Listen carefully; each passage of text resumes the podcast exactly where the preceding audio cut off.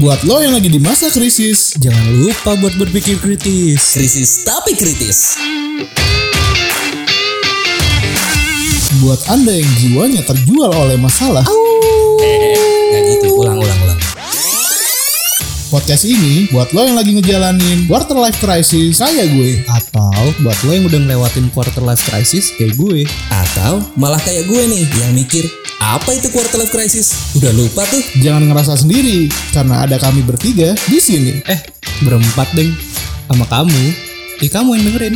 Yuk ngobrolin quarter life crisis bareng Dido, Nandra. dan L di KTK. Krisis tapi kritis.